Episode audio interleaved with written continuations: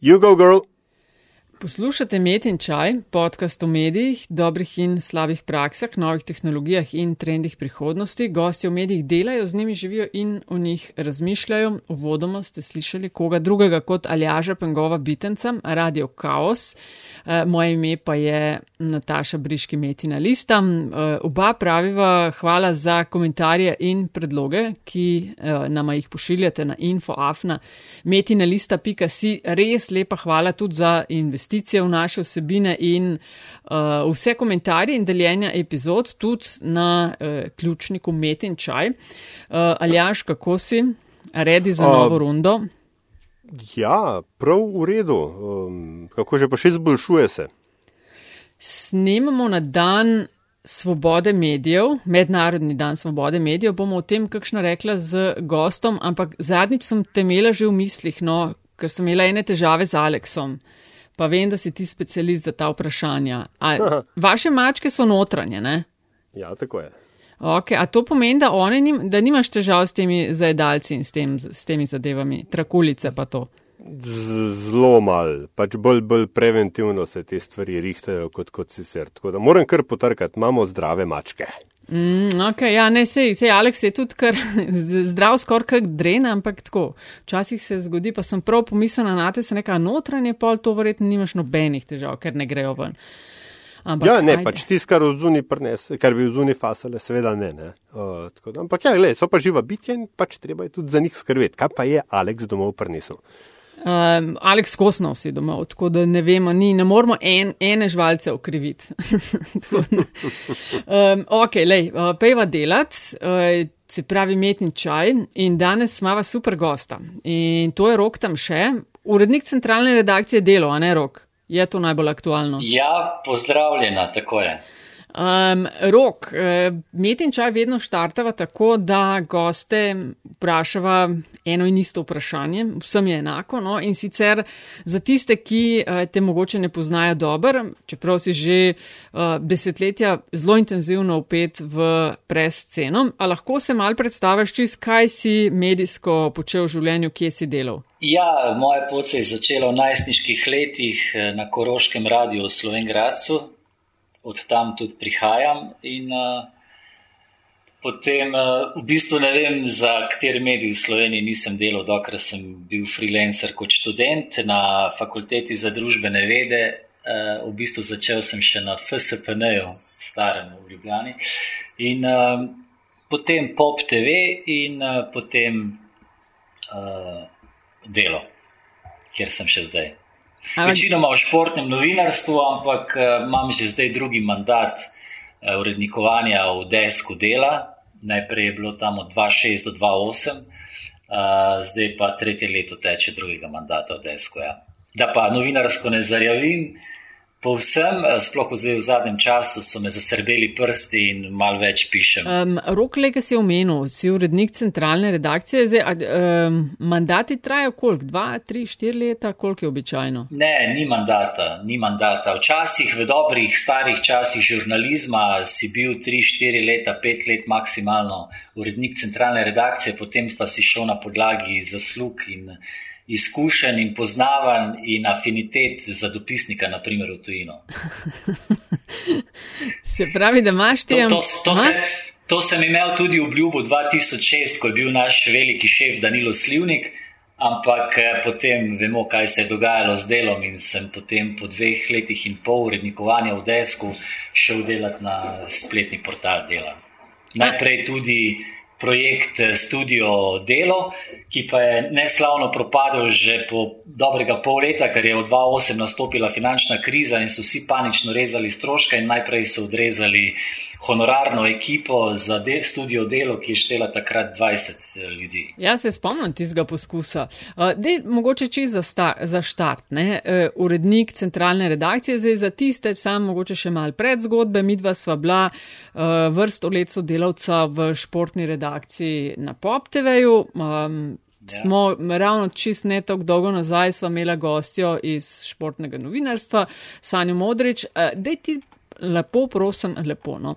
E, opiš, kaj to pomeni biti urednik centralne redakcije? Kako zgleda pol dan urednika, ki to počne? Ko si urednik centralne redakcije, v bistvu veš, uh, moraš vedeti za vse, kdo kaj dela, kako poteka v tistem tednu, sploh v tistem dnevu, tudi v tistem tednu. Saj se tako pripravljam že uh, ob izteku prejšnjega tedna, kaj se naj bi počelo naslednji teden in s kolegi uredniki potem določamo nekakšne smernice o vsebinah časopisa prihodnji teden na podlagi dogodkov in pa na podlagi tem, ki se potem tudi pripravljajo.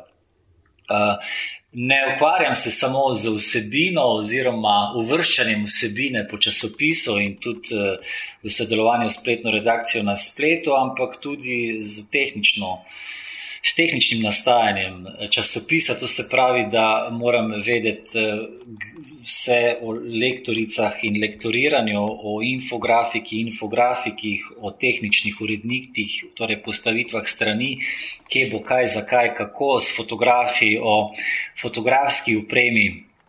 Eh, ne vem, če sem kaj pozabil, seveda moram pa vse čas točno vedeti, kako diha odgovorni urednik, njegova namestnica, namestnica dva, namestnica ena, pomočnik. Skratka, eh, za delo desk, v desku je najboljše, če si en tak popoln kontrol frik, ki znaš biti zelo dobro organiziran in ki znaš voditi zadevo, ko gre vse na robe. Ti si tam, da rešiš stvar, ko gre na robe, če gre vse v redu, potem so itak uh, za vse uh, zaslužni, seveda, novinari kot avtori in uredniki kot njihovi šefi. Um, ampak to je tako, ne, kot v nogometu. Ne. Ko ekipa zmaguje, so zaslužni igravci, ko zgublja, je kriv trener. Če bi osnovni odgovor držal, um, kam bi šel za dopisnika najraje? Uh, v Beograd. Okay, povej zakaj. V Beograd zato, ker sem rojen v Jugoslaviji, poznam Jugoslavijo, poznam mentaliteto, poznam ljudi, poznam sceno, spremljam vse čas, kaj se dogaja. Uh, jaz sem v bistvu pač rojen v Jugoslaviji, Jugoslovan, zato nisem nič manjši slovenc. Ne? Vemo, da pač termin Jugoslovan ne obstaja pravno formalno več ampak enostavno pošlji me kamorkoli v bivši jug, jaz sem tam doma. Hmm. Seveda, pol naslednje vprašanje je, zvezda ali partizan? Hajduk split. Živi večno, samo to od otroštva. Ja, no, ja. Če že riniš v Beograd. Ampak, um, po tem, kar si opisal, se mi zdi, da je v bistvu pozicija urednika centralne tako precej nehvaležna v resnici. To je v bistvu rudarjenje. Ne? To je rudarjenje, ki se začne prejšnji dan, če govorimo o dnevnem ritmu. Jaz prihajam v službo med 8 in pol 9 zjutraj, ob 9 imamo kolegi, moram že v bistvu z uredniki predtem predebatirati, kaj pripravljajo za jutrišnji časopis. Potem gremo v detajle na jutranjem kolegiju. Po kolegiju, uh, običajno, uh, potem ko se dogovorim z uredniki rubrik posameznih strani, uh, za te strani na sprednjih straneh časopisa, naslovnica pa strani aktualno. Eh, osebno kličem vsakega avtorja, s katerim se pogovarjam, eh, v katero smer gre njegov članek, o, o dolžini članka, o opremi članka, bomo izdelali infografiko, ne bomo izdelali infografike, vse detajle, tehnične, oni mi. Seveda, pol tudi povejo, gre tudi za dopisnike. Sploh zdaj vsi delamo nadaljavo, nismo skupaj v redakciji, ni teh small talkov, teh klepetov, ne? je treba vsakega poklicati in uh, potem z njimi v bistvu nekako do popodanskega ja, kolegija, ki je ob 14. uri zarišemo strani, kako bo časopis izgledal, kar prezentiram v bistvu kot vodja dnevnega pogona na kolegiju. Tu so še potem razne korekcije, popravki, če se seveda kaj dogaja, pa kasneje seveda se prilagajamo, odzivamo, ampak v glavnem je ob dveh popovdan jasno, kakšen bo časopis jutri na policah. Uh, Ves čas kombiniramo seveda s kolegi iz spleta, kaj ja zdaj, v kakšnem obsegu, kaj še zdaj, takoj, kaj malce kasneje, uh, na kar tudi določimo ritem objav časopisnih člankov, potem na spletu govorim o člankih, temah, ki jih dnevno ne spremljajo, na, na, in potem kot zgodba pride na splet naslednje jutro ali naslednje opoldan ali kakorkoli. Ja, in potem uh, se začne popoldansko rudarjenje v desku, v smislu postavljanja strani, popravljanja člankov, uh, formiranje naslovov, podnaslovov, premetavanje člankov po straneh uh, in male živčne vojne zaradi mogoče zamud, zaradi kakšnih komplikacij. in tu komuniciram potem z vsemi v desku, in tako smo veseli do 21:30, ko moramo praviloma končati prvo verzijo časopisa, ki gre na iPad za naše eh, zveste naročnike, ki tudi v elektronski obliki želijo imeti še jutrišnji časopis takrat na strani, in potem po pol desetih zvečer še kakšni popravki, sploh zdaj tako priljubljeni. Pozni večerni pretresi ukrepov naše vlade, in na podlagi katerih na koncu lahko v bistvu narediš eno kratko vest, pa si vse povedal. Dve vprašanji imam. Rok, zdaj, ki te že mava po roki. Prej si omenil, da ko gre vse ok, so igralci zvezde, ko je narobe, je kriv trener. A lahko kakšen zadnji primer daš, ko je šlo kaj narobe? No? Uh, pač za redne bralce ja. in bralke časopisa bomo mogoče znali povezati, aha, kaj se je dogajalo v zadju takrat. Ne, v bistvu uh, tu gre, tu gre v prvi vrsti za tehnične felere, ki jih potem rešimo in bralci ne, tega v bistvu ne opazijo. Ne. Mogoče, da potem se zamakne uh, samo ta proces dela in dela to hektično, živčno vojno. Nataša, ti boš vedela, kakšne so te sekunde, minute pred vklopi v živo na televiziji in tisti adrenalin, da dajo živo in tako naprej. Če ti gost zamuja, vdajo in polno enih stvari, pa gre kaj narobe v studiu. No, tu je pa podobno v desku, ta, tam je studio in potem, ne vem, zruši se stran in ne, ne moremo pravočasno poslati, ne vem, razloga, zakaj potem to rešujemo. Ali pa kar naenkrat zgine en članek, ga enostavno zadnje verzije popravljene z zadnjimi popravki, ne vem, ker je bil eh, zatipkan naslov, karkoli, in potem tega ne moremo plasirati, potem je panika. Uh -huh. Največkrat gre to. Največkrat bravci, največkrat v 95-99 odstotkih primerov bravci v časopisu tega. Ne opazijo, seveda so pa tiste klasične napake, tiskarski škrati, ki potem pač jih vsi opazijo. No, če opazi en, je že v bistvu napaka naša. Ja, ja. No, in to me pol pripelje do, kaj je bilo, kakšen mesec nazaj, do tistega zapisa, je bilo od Markeša, ne, ki je šel, pa ni šel v objavo. A lahko o tem kaj poveš? Po sobotni prilogi. Sobotna priloga lo, e, nastaja ločeno, nastaja v isti redakciji, ampak ima svoj ritem in v petek. E, V petek eh, do povdan gre že v tisk, tako da jaz se sobotno prilogo sploh ne ukvarjam. Mm -hmm. -hmm. niti tehnično, niti vsebinsko. To je tako kot vse ostale priloge tedenske dela, ne, se s tem ne ukvarjam. Tako da ja, vem, potem ta umik uh, razupiti markešega teksta, to je bila čist potem relacija mm -hmm. uh, našega odgovornega urednika tiskarna. Ja, ja, ja. No, me pa to pripelje do nove teme in sicer pritiskov na delo medijev. Ne? Ko že snimamo na dan mednarodnega dne svobode medijev, pa me čist zanima, pričanja so različna, veliko več jih je, ki pravijo, da pritiski so močnejši kot kdajkoli. Um, ti si že nekaj časa urednik centralne redakcije na delu, a v zadnjem letu v tem pogledu, torej pritiskih, ki jih sam čutiš pri upravljanju svojega dela, čutiš kakšne razlike. V primerjavi s prejšnjimi leti. O tem smo zalažen že s par gosti debatirala, meni se sicer pritiski na delo novinarjev, urednikov zdijo um, ne vem, del posla, je pa res, da niso vedno enaki in enako intenzivni. Kakšna je tvoja izkušnja v zadnjem letu? E, jaz lahko povežem eno usporednico, ne, ki po svoje pove vse. Ne, da, e, tudi takrat, 2006-2008, ko sem bil v desku, pa zdaj, ne, je bila Janševa vlada. Ne, in, in takrat se kar naenkrat pojavi, da smo mediji, ne vem kaj. Ne, in, in se pojavijo neki pritiski. Ne. Eh, ne govorimo o pritiskih name osebno ali karkoli. Jaz imam zelo uh, proste roke, zelo veliko odgovornost ne? in tudi zelo proste roke. Uh, odgovornosti se seveda zavedam, pa tudi odvisno je, kakšen tip človeka si, kakšen tip novinarja si, kakšen tip urednika si, kaj pomeni tak ali drugačen pritisk. Nekomu uh, Eh, ogromen pritisk novinarjev pomeni že to, ko se uh, njegov sogovornik iz članka naslednji dan odzove ne, in uh, mu učita, češ, da tega ni rekel, onega ni rekel. Ne. Zdaj, vprašanje je, koliko si ti samozavesten, koliko imaš kilometrine, na kak način deluješ. Uh, in je to povezano. Je pa res, da se v takem ozračju, ki je zdaj v Sloveniji, in v tistem ozračju, ko je bilo takrat, ko sem bil v prvem mandatu urednik deska, uh, opažam, da se pojavlja nekakšna samocenzura pri vseh. pri vseh, zato ker je v zraku čutiti neko negotovost, neko napetost in da ne bi šlo kaj, da ne bi kdo kaj zajel, po domače povedano, in je to to. Uh, se mi pa zdi, da če zdaj, se mi pa zdi, da je eno, ne? to se navežem na tisto, kar sem prej rekel, na, na, na to, kako nekdo prenaša pritiske in koliko je samozavesten in verjame v to, kar dela. Ne? uh, je, ali se ti samo cenzuriraš ali se samo preveriš. Ne?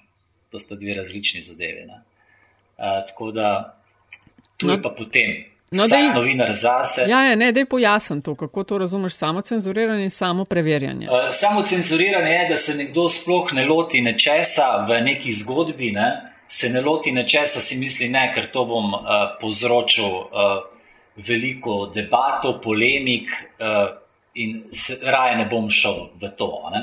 In uh, se objavi korekten članek, pod narekovaj korekten članek, ki je še vedno lahko uh, obremenjen ideološko, ali če govorimo o politiki, ali, uh, ali če govorimo o civilnih inicijativah v, sponi, v, v gospodarstvu, ne vem, okoljska problematika, da lahko za nekoga ta članek izpade navijaški za eno ali drugo stran. Ne? Druga stvar pa je, če je eh, novinar enostavno tako zauzet v tem svojem delu in se ne samo cenzurira, da ne bi šel do, recimo, mhm. karikiram, do dna, ne, do vseh podrobnosti, ampak rine in koplje in koplje in koplje še naprej. Ne. Tu je pa potem malo samo preverjanje, tu pa ni več samo cenzura, ampak sam preverja, da bo res, ko bo kopal globoko, da bo res popazil, da kot nek recimo temu objektivni poročevalec in analitika, ne, da bo res kopal tako, da bo razkopal vse, eno, drugo, tretjo stran. Ne.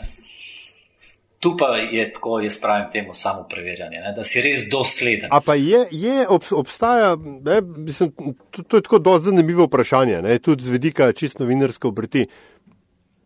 Kdaj rečeš, da tole gre v objavo?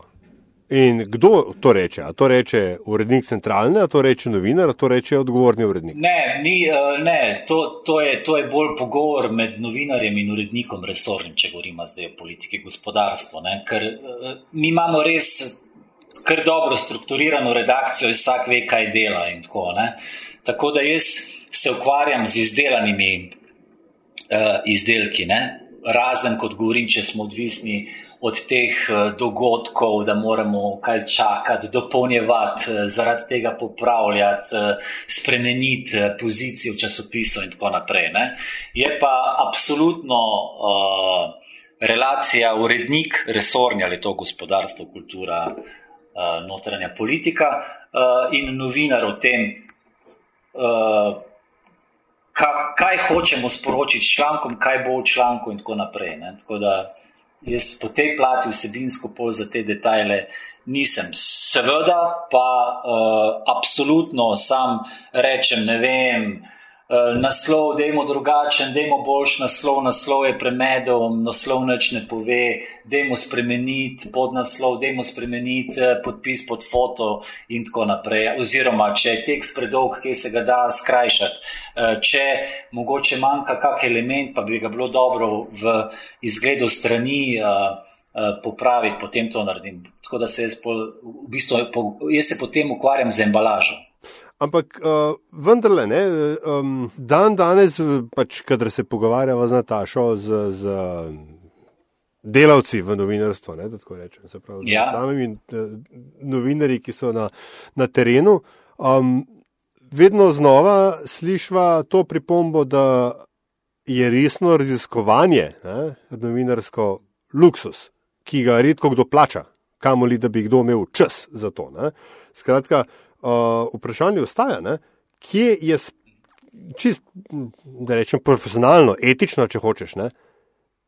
kje je tista meja, oziroma kje smo mi danes, da, da, da se pač uh, raziskuje do te točke, ko, da rečem, si pokril vse zorne kote ali si si pokril hrbet iz vseh zornih kotov, ali smo kot branža na uh, točki, kako že, minimal viable product, ne, da pač da dober je za koga je, pa bomo pa že naprej pisali, če treba. Jaz sem prej malo menjal tisto doslednost. Ne. Če se spomnite, če ste opazili, mi smo imeli lani serijo enih člankov o neuresničenih projektih po celi Sloveniji. To je bilo 16 sred. Eh, smo imeli to. Ehm, zdaj imamo pa v istem smislu, sem predlagal, da delamo najbolj eh, onesnažene točke, lokacije v Sloveniji. To smo zdaj začeli, mislim, da smo imeli ena, dva, dva ali tri članke že na to temo. Ne? In uh, to se mi zdi, ne, uh, da uh, uh, ko si omenjal raziskovalno novinarstvo, konkretno na delo lahko vsak novinar reče, zdaj bom raziskal, jaz to pa to, dajte mi čas, ne, ne me obremenjevati z dnevnimi zadevami, dajte mi čas, da se jaz poglobim, pa napišem potem, naprimer, sobotno temo o tem. Ne.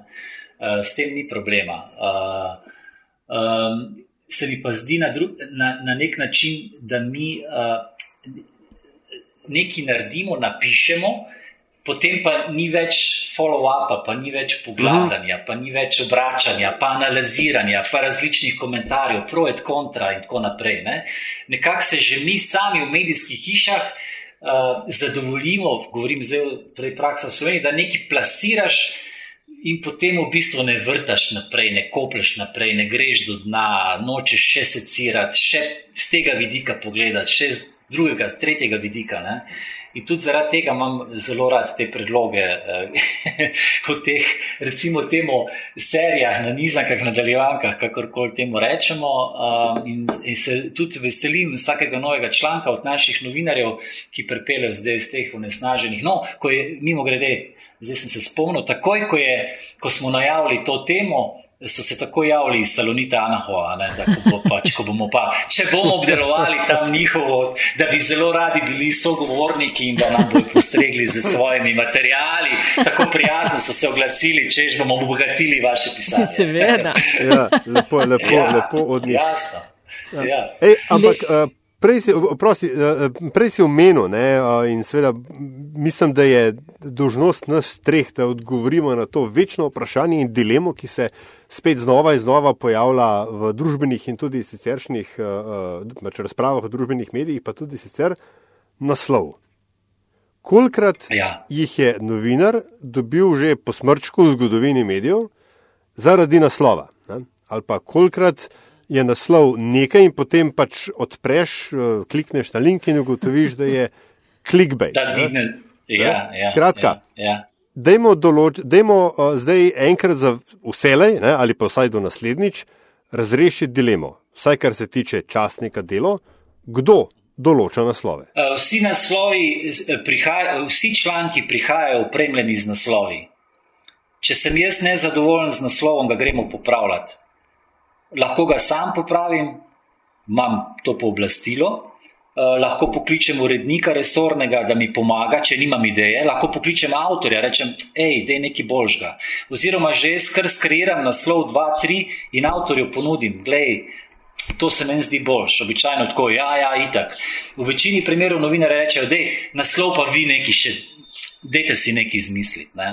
Eh, nas, za naslov pa danes nimam ideje. Ne. Veliko novinarjev ima, recimo, full talent za dobre naslove nekateri pa nimajo ne, in pač dajo prazne. Čeprav je tekst dober, čeprav iz teksta res lahko izvlečeš nekaj super. Ne. Um, tako da je to, jaz sam, mi na zadnje, ja, naslovnica, uh, vse strani, ki pač pregledam naslove, da se tudi ne ponavljajo besede, izrazi, da se tipi naslovov, itak so prepovedani, tako rekoč naslovi z vprašanjem, uh, z z navednicami, ker pač tako vse pojasnimo v članku in tako naprej. E, tako da to, to da rečem po domače, polik, speglamo, polikamo potem v desko, ampak ni v principu. Je bolj s tem, bolj tako, to je kozmetika, je bolj malo dela, ker v bistvu že res se pravi, da imamo zelo dobro konstruirano in tudi uredniki, ki za novinari preberejo svoje članke, že oni, ne, e, potem karkoli popravijo. Tu imamo mi tudi v delu specifične te ključnice in tako naprej, in te citate, poudarke. Tako da Uh, lahko rečem, da dobivam vse boljše in boljše, tako ta končni izdelek, da potem res kozmetično ga še obdelamo. Lahko. A se kaj omejujete s številom besed, a veš, ker obstajajo ti algoritmi sploh za objave pol na spletu, kao ne več, uh -huh. kot ne vem, 5-6, eh, ker uh -huh. ne gre dobro. Ne, v bistvu, če sta tudi opazila, mi delamo pogosto tudi zelo uh, različne naslove za splet. Mislim, je drugačen kot tisti v časopisu. Uh -huh. Časopisu ravno zaradi prostorske stiske. Ki pa na spletu ni, ker imamo možnost in tudi uh, ta povezava, ker imamo tam še ta super title, pa potem tako. Tako da potem obi, obi, veliko pogosto uh, novinar, ki naredi potem pretopi uh, članek za splet, uh, že tam potem sam, če je talentiran, ima afiniteto do tega, že sam naredi drugo verzijo, daljšo, običajno verzijo naslova za spletni članek ali pa ga potem v spletni redakciji ja, uh, izboljša, če se mi zdi, da je to boljše. Lahko pa je kdaj univerzalen, že v časopisu tako dobro deluje, da potem tudi v spletu tako dobro, na spletu tako dobro deluje. Tako da potem je pa i tak bingo. Ne? Tole sem hotel vprašati, Aljaš, ker govoriš o delu kot eh, uredniku centralne redakcije, da si tam okrog pol devetih že v službi, pa tam do zvečer, ne vem, devetih, desetih. Koliko dni pa to imate desetih, pol, ja. pol skupaj, ker jaz, to je pa čez cel dan, ne? to pa ni pol osem ur. Ne? Ja, to je čez cel dan, jaz delam sreda, četrtek, petek. Uh, Aleksandr Zupan zdela ponedeljek, torek. Eh, potem se ukvarja s sobotno prilogo, ostale dni, jaz pa delam te tri dni, uh, cel dan, ok, ki potem so še tista dežurstva, nedeljska in pa v ponedeljek, torek pa si vzamem čas za lastno ustvarjalnost v smislu pisanja člankov, zdaj delam eno serijo, recimo slovenskih nogometnih legend. Sem opazila, ja. Ja. Izvoli, Aljaš. Ko si omenil spletno redakcijo in različne naslove za tiskano in spletno verzijo, mhm. kako pa vaši, uh, tvoji sodelavci, ne, vaši novinari, pišejo? Pišejo najprej za splet in potem pokrajšajo za otisk ali kako? Ja, zna se zelo raz, različno. Je. Um, če se spremlja dnevni dogodek, zna biti en novinar v pogonu od jutranje, ne vem. Danes je Svetlana Tihanovska v Ljubljani. Naprimer, nekdo spremlja to. Nekdo spremlja to, zato ker ima za jutrišnji časopis eh, Jure Kosec intervju z njo, kolikor vem, eh, bo nekdo na spletu ali nekdo iz redakcije sveta eh, spremljal to dogajanje čez dan in potem bo zvečer, ko bo pisal intervju, tako da bomo imeli dnevno pokrito njeno dejavnost v Sloveniji, na spletu, potem pa bomo verjetno jutri do povdan enkrat uh, dali intervju še v spletni obliki, uh, ne, ki ga bo Jure potem, ko ga bo naredil za časopis, pa ga bo potem hkrati uh, pretopil v spletni članek. Prej si omenil rok, tudi preiskovalno novinarstvo in kako se zaženemo v zgodbe, pa mogoče ne nadaljujemo. Uh, tako, kot bi uh, bilo fajn, da bi, ker si pa velik časa ali pa intenzivno upet tudi v športno novinarstvo, pokrivanje športa in pisanje v športu. Ne? A lahko mogoče kakšno primerjavo narediš pa čist, ne vem, status prof, uh, preiskovalnega novinarstva pri pokrivanju ne, splošnih tem ali pa preiskovalno novinarstvo v športu. A imam jaz napačen občutek, da je tega preiskovalnega, torej novinarstva v športu, veliko manj. Ja, ga je veliko manj. Eh, zato, ker je prva stvar, je seveda ta, da imaš omejeno ljudi, število ljudi v redakciji, želiš pa pokrivati določeno število športov. In potem, če gremo zdaj čisto tehnično, organizacijsko plat v redakciji, recimo, da vsak novinar pokriva tako tri športne panoge in športnih panogah dogodki narekujejo ritem objave člankov in uh, obliko člankov. In uh, ve se, um, v principu vsak športni dogodek je v medijih sestavljen iz 14-dnevnega ali pa če gre za večji dogodek ali pa enotedenskega. Po domače povedanja, nabijanja v napovedovanju tega dogodka, potem se pa ta dogodek zgodi, se ga pa potem pač pokomentira, analizira v dveh, treh dneh dveh dneh, potem je že zastarel. Ne? Tako da dogodki sami, ki so pač spektakli svoje vrste, ne, zahtevajo to tudi bralstvo, v bistvu, vse te špekulacije pri napovedih, vse te analize enega in drugega moštva, nasprotnika. In tako, s, tem hrani, uh, s tem se hranijo ljudje. Druga, stvar, druga plač športnega novinarstva je pa tista, recimo, ta vezana na dogodke, druga je pa ta, ko se govori predvsem o prestopih, spet smo seveda pri nogometu. To je pa itak uh, posebno obdobje, ko je prestopno okno za igralce, ki pa enostavno se tudi vsi največji časopisi ukvarjajo samo s temi špekulacijami, ugibanji in tržnic, skratka, to nogometno tržnico. Preiskovalnega ja, je manj, zato pa tudi, evo, ko sem prej na začetku povedal, da so me malo bolj začeli srbeti prsti tudi po tej plati, ker zaradi dela v desko ne morem. Se id tega športnega novinarstva v dnevnem pokrivanju, napovedovanju in potem pokrivanju, ne vem, vikend dogajanja. Um, zdaj sem pisal, zdaj sem se lotil teh člankov o 30-letnici, ker je pač samostojna Slovenija v velikih športnih dogodkih, ki so se zgodili spomladi 91. v Sloveniji. Zdaj se ukvarjam z tem, ali res potrebujemo uh, ločeno ministrstvo za šport, pa ne samo šport, da bi ugibanja so in neke pobude, ideje, da bi, zraven, da bi bil zraven turizem. Tu pa se mi zdi malo druga verzija športnega recimo, poročale, da greš malo preiskovati, pa iz različnih branž, sogovorniki in tako naprej, ampak govorimo pa še vedno o športu. Ministrstvo za zmagovalce, ne si takrat naslovil tisto kolumno, to je bilo dobro. Ja, ja, ja, ja, ja, tista tema dneva je bila Ministrstvo za zmagovalce. Ja, je bila kar odmevna in v bistvu te potem odzivi. Ženejo naprej, um, da se greš e, poglobiti, kopati, secirati, iskati sogovornike. Ne, ne vem, uh, vsi so govorili, da je naprimer, takrat, ko je bil ministr za šport Milan Zver, da je takrat res uh, čutil šport, delal za šport, spodbujal šport, pomagal športu. Ne? To so govorili mi tako funkcionarji, kot določeni klubi zveze. Bomo tudi pri njemu malo preverili, kako je bilo takrat, kaj si misli on, pa malo na strani gospodarstva, kaj si mislijo oni, malo na strani turizma, kaj si mislijo oni. Športniki, seveda, itak se ve, da bi najraje res pobegnili iz tega nesrečnega objema Ministrstva za eh, izobraževanje, znanost in eh, šport, ki je sploh pod eh, komandno palico eh, ministrice Kustičeve popolnoma zašel z tirovna. Prej si pa eno zanimivo besedo omenil in sicer prestop, ali jaš to veš, na kaj me pripelje. Na, ja, seveda. Eh, Vprašanje čeferina. Ne? Rok, vem, da to spremljaš eh, in to ne od ja. včeraj. Ne? Čeferina poznaš že zelo dobro, tudi ko je bil predsednik nogometne zveze.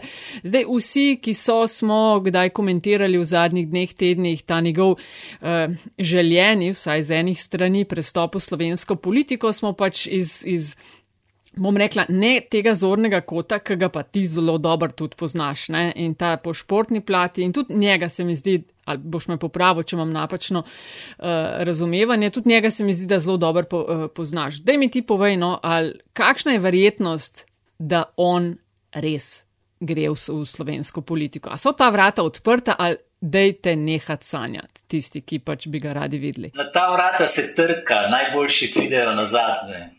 Uh, mislim, da bo on v mednarodnem okolju še najprej nekaj naredil, uh, potem bo pa prišel. A, Kako si pa ti videl sploh to celo zgodbo z Superligo? Mi dva sva se ena eh, kratke sporočila izmenjala, ne? to je bilo m, mm, zdaj ja. skozi moje oči ali pa kako sem jaz so to celo zadevo videla po dolgem, dolgem času. Ne vem, kdaj na zadnje kdo razen slovenskih športnih asov, uh, ki so redno na naslovnicah, da se je en slovenec ali pa slovenka tolk zelo konkretno na mednarodnem odru plasiral uh, in uh, v bistvu zmagal, ne, v narekovaju. Dej, ja, kako ja, si ti to videl? Ja, no? ja um, zdaj um, vse skupaj ne, za me ni bilo presenečenje.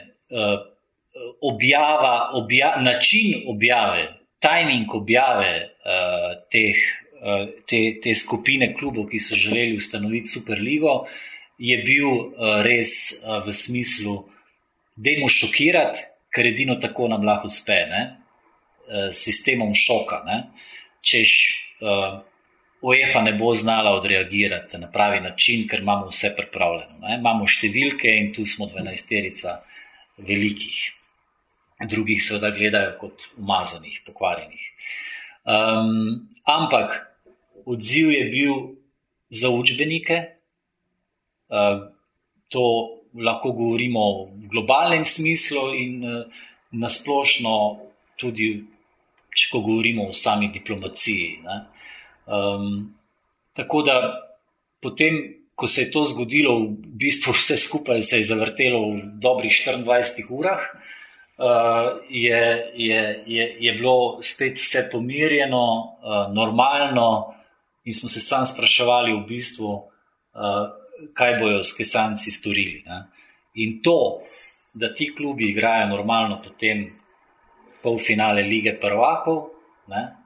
kateri pač so se vrstili, in da so vsi ostali utihnili, in da so včeraj udrli na stadion pred derbijem Manchester United, Liverpool, ki ga potem niso odigrali navijači Uniteda in jasno povedali ameriškim lastnikom, da niso več zaželeni. To so pa zdaj vsi, vse te posledice, ki sledijo in uh, dvigajo palec uh, uh, Čeferinu in uh, njegovi ekipi in OEFI in uh, vrednotam evropskega nogometa. In ne gre gledati samo skozi nogomet.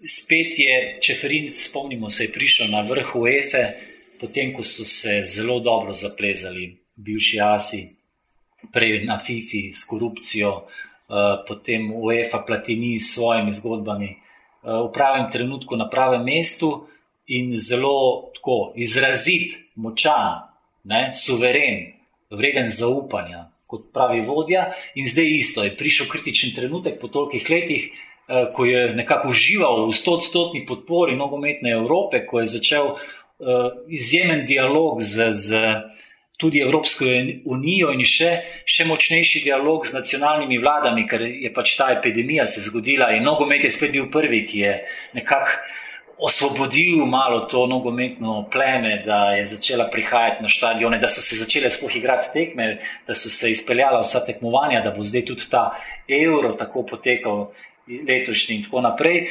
Skratka, uh, s, to, s to relacijo je Čeferin zdaj dobil ne, še večjo moč, še večji vpliv.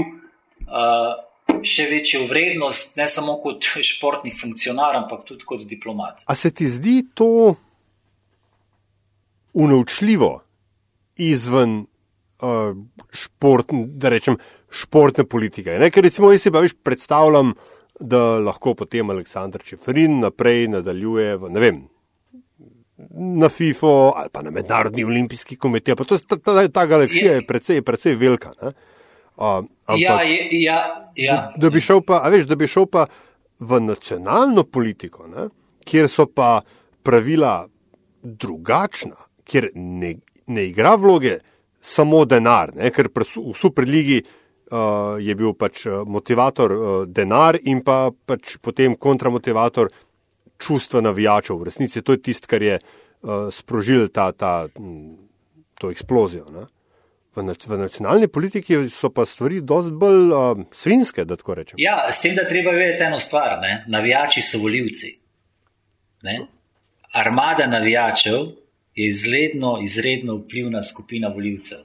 Uh, mi se seveda ne ponašamo v Sloveniji z armadami navijačev, imamo pa izjemno veliko občinstva, prebivalstva, velik del prebivalstva, ki je tako ali drugače navdušen nad športom, če že ne s spremljanjem športa, ukvarjanjem športom. Ampak nazaj k Čeferinu, mislim, da je njegov prvi, naslednji, logični, ker je tudi sam dosegel omejitev mandatov, da bo potem prihodni predsednik FIFE da bo tam postoril in popedenal podobno, oddelal dva mandata, če se, bo, če se mu ne bodo prej spremenili načrti, njegovi karjerni, potem bi pa lahko prišel v nacionalno politiko.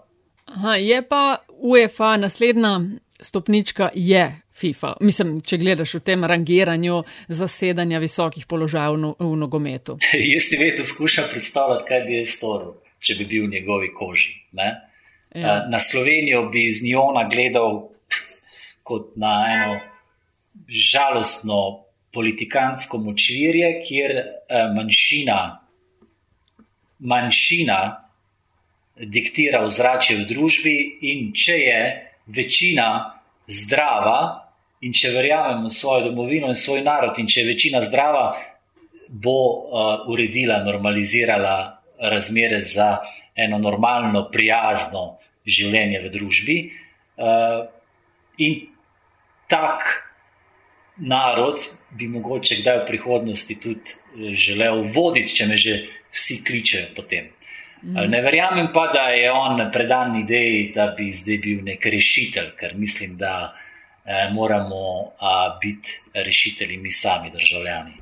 Se nisem klele tok imela Slovenije v mislih tako nasplošno v futbal svetu. Je pol tista stopnička naravna iz UEFA na FIFA ali kaj drugega še bolj? Uh. Ne, ni, ni, ni nujno, da je naravna, ampak če si pa v takšen kaliber kot je Čeferini in če tako vse stvari pelješ v teh izrednih razmerah, ki so se mu zgodile in je dokazen, uh, in uh, mislim, da je ajde, gremo govoriti s čisto takim preprostim novinarskim jezikom, veliko večja zvezda od uh, Infantina, ki je šef FIFA. Mm, mm.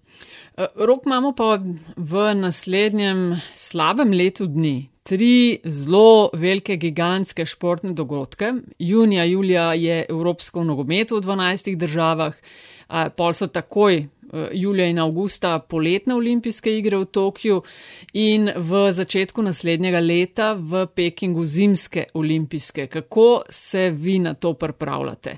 Ali pa tudi ti osebno, ne sam bajta? Ne, neč mi je v bistvu smo sam te faze, ki gre vse prek olimpijskih, nacionalnih olimpijskih komitejev v smislu števila akreditacij, ki so na voljo za določeno državo.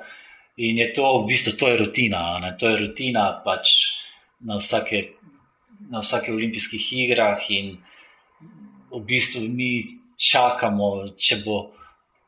Pripravljamo vse, kot da bodo olimpijske igre in bomo pač to normalno pokrivali v svojem obsegu, ki je možen, ampak ni nobenih posebnosti, čeprav osebno mislim, da so te olimpijske igre v Tokiu posebno nepotrebne.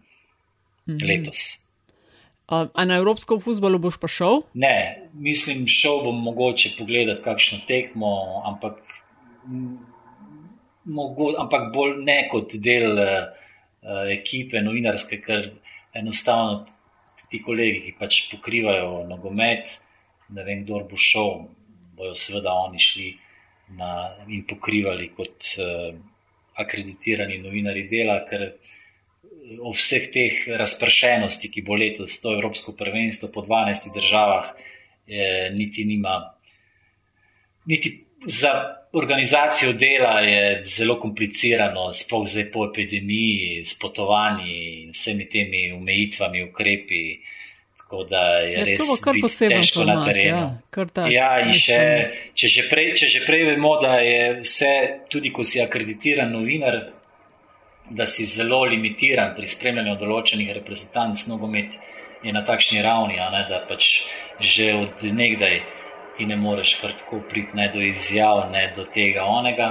Uh, če bi hotel kakšno zgodbo več, zdaj pa sploh, ko so še ti vsi ostali, recimo temu civilni umejitveni ukrepi, je biti nehvaležno v nekem mestu, kjer mogoče na stadionu niti ne bo nobenih gledalcev in uh, uh, uh, pokrivati uh, tekme oziroma prvenstv. Bomo se potrudili, da naredimo optimalno, da prispevamo dodano vrednost, da ne bomo salonski novinari, ne? ampak eh, letos je res vse oteženo. Kar se pa tiče olimpijskih iger, kot sem rekel, se mi pa zdijo letos nepotrebne. Zadnjič mi je en prijatelj, eh, nekdani vrhunski športnik, tudi omenil, je rekel, ja, kaj pa zloraba cepiv proti COVID-19 in v luči dopinga. Ne? Se nek, haha, pa smo tam. Ampak res je, Benti. Ja. To je tako, kot ja. ko kolesari, pa Asma, pa Armstrong. Ja, na primer, ne? Ja, ja. Ta farmacija, ki je dva koraka pred, dopiška farmacija, ki je dva koraka pred uh, običajno, normalno farmacijo, je sposobna vsega. Ej, ko smo že pri tem, um, glede na uh, čistko, malo fantaziram, ne? ampak uh, glede na um, posebne razmere in posebne načine izvajanja globalnih tekmovanj, A se bo to po vajnem mnenju, ne, kot eh, spoštovana in izkušena športna novinarja tudi, a se bo to poznalo tudi na rezultatih? Kdo recimo bo evropski nogometni prvak? Včasih se je pač vedel, ne, malo so tudi bili žreb skupin dirigiran, pa tako dalje, pa vse je bilo v enem mesecu narejen. Zdaj bo pa tempo drugačen, pogoji bodo drugačni, a bodo tudi rezultati drugačni? Uh, ne, mislim, da ne. Kar se tiče ekipnih športov, mislim, da ne. Pri individualnih športih bi mogoče ne vem, se znalo kaj zgoditi, ampak na kratek rok, mislim, da potem, ko bo to šlo v normalne tirnice, vemo pa, da je v bistvu šport nek zastavonoša te normalizacije, medtem ko se mi pogovarjamo o tem, da bi radi šli na Hrvaško na morje brez zapletov, a ne se oni maksimalno pripravljajo na olimpijski igre v Tokio. Oni so deset korakov pred nami, običajnimi smrtniki, če se tako izrazim. Tako da mislim, da se bo v športu uh, uh, hitro, ko se bo ta epidemija resnično zaezila, ko bo precepljenost, vem, 80-90 odstotna, da bo potem se tudi šport posebno normaliziral in ne bomo doživljali nekih velikih šokov, da bi zaradi tega bil košarkarski prvak v Euroligi čist nek outsider ali pa v no-, nogometni ligi prvakov, pa sploh ne. Ej, samo eno vprašanje, dodajam na to, ker je veliko v tem zadnjem letu poslušamo o teh izgubljenih generacijah športnikov zaradi teh omejitev, pa ki se ni smel trenirati in tako. Uh, pa se mi zdi, da v bistvu sistem odgovorov sicer mi da odgovor tudi na to, ampak vsem. A misliš, da bo res tak manjko? Ker meni se zdi, da se v vseh državah je več ali manj enako. Ne? Vse posod so bili mal, ali, ali niso vse posod bili malo omejeni pri eh, izvajanju teh svojih uh, treningov. Ja, viš, to si to si to ful dobro razmišljaš. Problem je tem, Nataša, ker mi smo majhni, ker si majhen, si ranljiv tudi zaradi tega toliko bolj. Ne. Imamo ful malo bazo, ful, res imamo malo bazo športnikov v primerjavi z normalno večjimi državami in smo tudi toliko bolj ranljivi. Um, Ne vem, če sam pogledamo, kakšno bazo hokejistov majhno imamo mi, ali pa atletov, ne, ali pa to, in potem kakšen imamo izplen, iztržek iz te majhne baze. Realnost je pa taka, da je v zadnjem letu ogromno mladih, ki so prihajajo v najstniška leta, recimo, ne, ki so tiste prvem najbolj občutljivem obdobju ali nadaljevati ali ne, in so recimo opustili ne, šport, pa bi mogoče kdo od njih imel pred sabo res krasno krasno športno kariero, pa je žal izgubljeno, šlo v veter in nikoli ne bomo vedeli, kaj bi bilo, če bi bilo. Mm. Tu smo ranljivi, ob tem imamo problem, seveda, da je finančna podpora, državna sistemska finančna podpora športu skromna, skromna, skromna. In da že klubi itak iz meseca v mesec se preživljajo na ta in drugačen način, in bojo, hočeš, nočeš, seveda bomo čutili te posledice uh, pri usipu, In tako upam pa, da se bo kolikor toliko dalo to popraviti v naslednjih dveh letih. Recimo, uh -huh, uh -huh. In to naj jo Aljaš pripelje, evo, že, že smo tam, ne? Na to je ta 35 minuta v metinem čaju. Ja. um, pri zanimivosti smo uh, rok, s tem končujemo podcast Metin čaj in gre za vprašanje, ki je enako vsem, tako kot uvodno. Uh, da se gost oziroma gostja predstavi, je zadnje vprašanje, da z nami deliš kakšno zanimivost ali pa nekaj, kar ne vemo, pa eh, ocenjuješ, da bi znalo poslušalce in poslušalke zanimati. To je seveda lahko čist karkoli, ja. zgodba, anekdota, priporočilo, povezano direkt s tabo, s tvojim delom, tako zelo odprta mhm. rubrika. Izvoli. Mhm. Ma ne vem, mislim, da ja, vse sem videl, ko si mi pri dogovarjanju za ta pogovor uh, napisala in sem prav rekel, da, da, da ne vem, ampak uh, ne, mislim, se lahko pohvalim. Tako. No, da je. Dobro, mislim, kar se tiče športa. Ne, jaz sem pred dvema letoma prvič v življenju stopil na drsalke in fulerad drsam zdaj. Fulerad drsam, to je prva stvar. Lani sem pa začel igrati golf. In bo in bo zdaj le 7. maja uh, prva obletnica, kar sem prijel palce za golf roke. In mi gre uh, zelo uh, lepo, napredujem in uživam v golfu. Krasna, krasna, Krasna igra je. A veš, da sem imela na mente to vprašati, ker sem opazila, da poleg nogometa sem opazila, no pa tega prej nisem bila vajena, to zdo od tebe, eh, nekaj golfskih člankov. No. Ja, Vse, ja, moram prav ja. vprašati. Zdaj drsanje pa mislim, Ja, jaz vem, da tako. ti si hokej včasih pokrival zelo velik, pa zelo spremljal. No. Ja, ampak nisem nikoli stal na drsalkah. A, res? To je zanimivo. Ja, in sem leta in leta prosil Tomaža vnuka, da me nauči drsati v Hali Tivoli, da gremo tam pred treningi. Pa se je vedno samo smejal. Zdaj pa, ko mu pokažem, že kdaj na rekreativnem drsanju, ga povabim, da me pride pogledat. In tudi z njegovim sinom, ki trenira hokej, smo na jezerskem, ker je nemino drsališče in smo, ja, ja, malo kršili tudi prehod čez meje, smo hodili na jezersko drsati. In tako je videl, da, da sem se nekaj naučil. Da, bes, da, bes. Imaš že tale, kaj se reče, ne rating eh, pri golfu? Ja, handicap imam še začetni iz izpita. Nisem še šel igrati potem nobenega, nobenega turnirja, niti ga popravljati. Imam ta začetni, mislim, ta handicap, ki sem ga naredil v izpitu 44, to je tako. Mi nič ne Ja, ja, pomeni ja. zaradi tega, ker, ker mi je važno, da pridem na igrišče in potem, ko se flighti združujejo, veš, in potem jaz se izgovorim, rečem, a, bi rajši igral jaz svojo Andrejo sam, ne bi bil štirimi, da vas ne delam živčne, ker sem začetnik. Pa pa tako malo pokažem, kako lahko igra začetnik, a, ker golfu si v bistvu dve leti začetnik. Ne? Ja. Fino je, fino je, krasno je. Sonce, voda, zrak, svoboda, ja, pa še udarjaš, pa hodiš, pa tako, super. Ej, Rok, ful, hvala, ker si bil gost metinga čaja in da si, deli, da si nas pelil za kulisje tega centralnega redaktorstva eh, na delu in Ja. te ta sploh ta razmišljanje, čeferin in futbal in šport. Tako da, ful ti hvala. Hvala vama za povabilo, super je bilo več tega, še naprej to gojite, nadgradite, ker je to super, to rabimo. Hvala ti, hvala ti, drži se. Enako, hvala srečno.